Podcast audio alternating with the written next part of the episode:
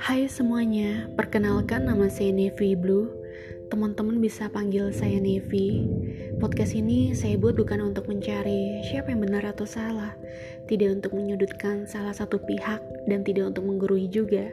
Wadah ini adalah sebagai reminder, khususnya untuk saya sendiri, dan ingin berbagi cerita dengan teman-teman, seperti kita adalah sahabat yang sedang mengobrol berdua sambil ngopi di suatu sudut kota tentang banyak hal, dan tidak terbatas oleh apa pun, dan bisa berbagi perspektif masing-masing.